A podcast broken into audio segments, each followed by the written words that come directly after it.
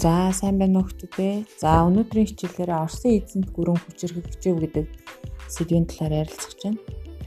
За өрн дахин дөрөнсөн хувьсгал шинжилэл үйлдвэржилтийн өөрчлөлт нь Орос гүрэнд ч гэсэн одоо нөлөөгөө тусгаж Оросын эзэнт гүрэн бас хүчирхэгжиж эхэлсэн юм.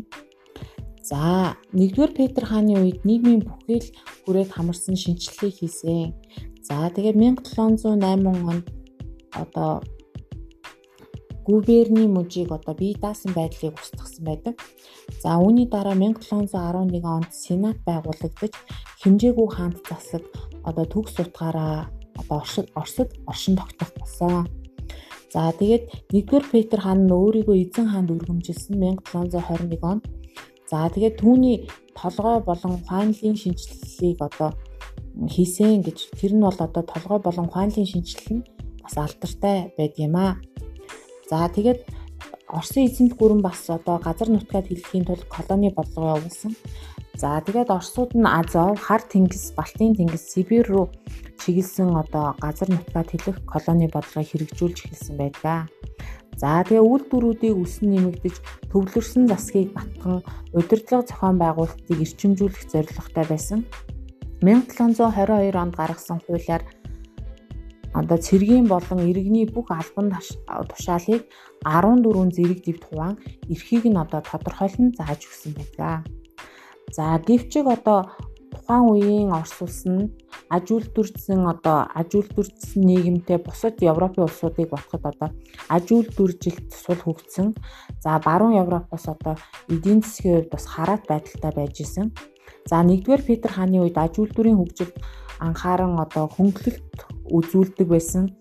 За энэ нь юу вэ гэхээр ялангуяа одоо гадаадад үйлдвэрлэдэг бараа бүтээгдэхүүнийг одоо боловсруулах үйлдвэр үйлдвэрлэх үйлдвэрүүдэд их анхаардаг. За тэдгээр үйлдвэрүүдэд одоо татварын хөнгөлөлт үзүүлэх гэх мэтчлэн бодлогуудыг хэрэгжүүлж байсан.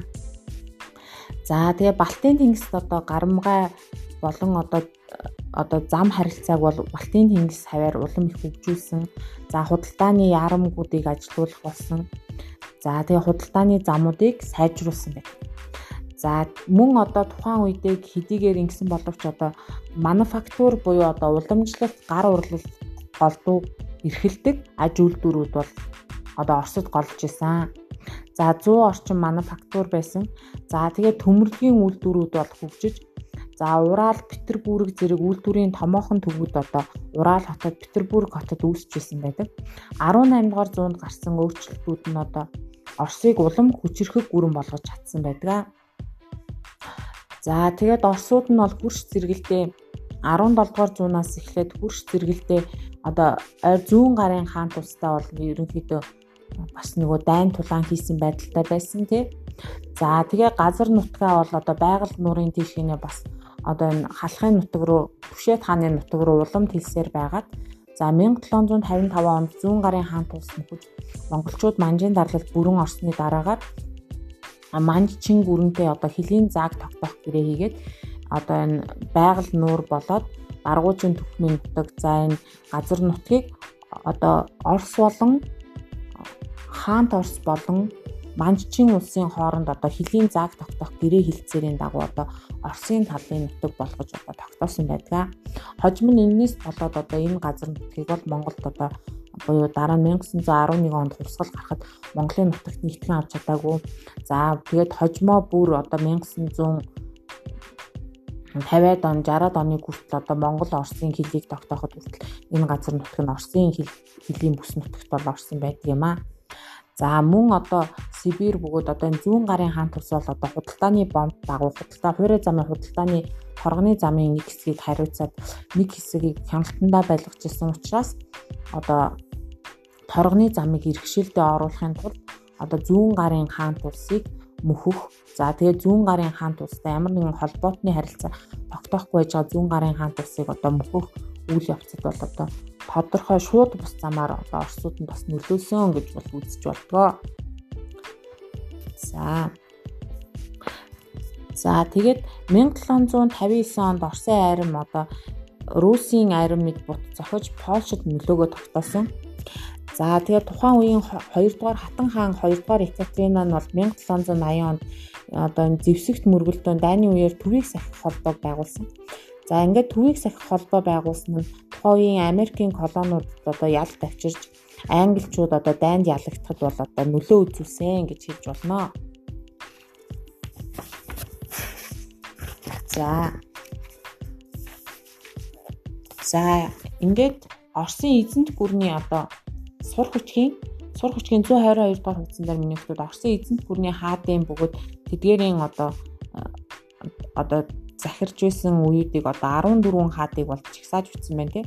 За хамгийн сүүлд 2 дугаар одоо Николай Александрович гээд 1917 онд октябрийн хувьсгалаар одоо энэ 2 дугаар Николай хааны гэр бүлийг бол одоо бослог гаргаад тариачд нь башвикууд бол одоо гэр бүлээр нь Сибирь зүйлүүд улмаар бол буудан хороосон байдаг.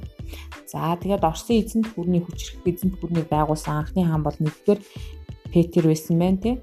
За түүний дараа болохоор зэрэг тэр Екатерина нэгдүгээр Екатерина Александровна тий. За дараа нь хоёрдугаар Петр. За тэгээд Анна Ивановна тий. За тэгээ Иван Антонович гэдэг гих мэтчлэн бол хаадууд бол илүү хүчрхэг байсан. За тэгээ нэгдүгээр Николай хааны үед ч гэсэн бас мөн хүчрхэг одоо байж хурш улсуудаа нэлээд нөлөөгөө тогтоож чадсан. За тэгээд хоёрдугаар Екатерина хатны үе буюу 1762-оос 1796 оны хооронд одоо ижил мөрний эрэг дагуух одоо халимгийн хаан тус буюу халимаг одоо торгуудууд бол одоо зүүн гарын хаан тусын нэг хэсэг торгууд аймагуд одоо газар нутагтаа багтахгүй нүүдэлсээр хагаад ижил мөрний эрэг дагуу очиод зүйшсэн байсан тийм. За тэгээ өөрсдөө тэндээ халимгийн хаан тус гэж байгуулсан байсныг одоо энэ 2 дугаар Екатерина хатан бол одоо төрөмгөө бодлогоор одоо шахаж бүгдийг нь одоо христийн шишинд оруулах За тэгээд одоо Оросын хаан Орос улсын захиргаанд нэгдэхийг бол шаардж байсан. За тэгээд тухайн үеийн зарим одоо торгууд халимгууд одоо буцаж уугуул нутаг руугаа буюу Монгол руу нүүдэлсэн.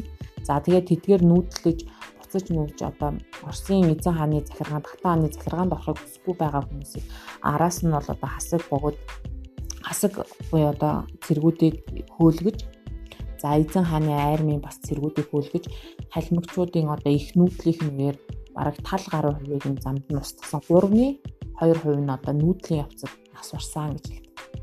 За тэгээд энэ Екатерина хатан бол ялангуяа тэр нэг торгууд халимг угсаа халимгийн хаан тус гэж байгуулсан торгууд угсааныхын бол нэлээд хатуу хандаж өөрийн захиргаанд орж одоо хаант орсын нэг хэсэг болгосон байдаг.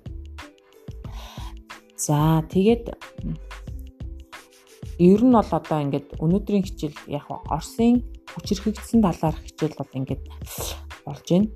За тэгээ миний хүмүүс юу их вэ гэхээр сурах хүчгийн 122 дугаар хуудасны нэг юм дасгал байна тий.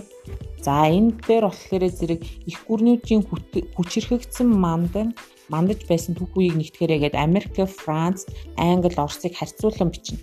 За тэгэхээр эдгээр хүснэгтийг хийгээд За тэгээд дээдлийн нэг хоёр асуулт байгаа хгүй. Нэгдүгээр Петр хааны шинжлэл эрс өөрчлөлтийн шалтгаан нь юу байсан бэ? За нэгдүгээр Петр Петр хааны цагаан толгойн шинжлэл буюу одоо нэгдмэл үсгтэй болгосон. За тэгээд түүнийг өөрөө хэрглэж бичиг үсгтэй болсон талаар холбогдсон ярилцаараа гинэ. За ярилцах юм ин бол гэж зоригч юм. За тэгээд энэ зөвхөн хоёрдугаар асуултыг хариулна. За тэгээд тэр нөгөө их гүрнүүдийг дүгнэж нэгтгэрэй гэдэг даалгаврыг хийнэ. За анхаарал хандуулсан хүмүүстээ баярлалаа.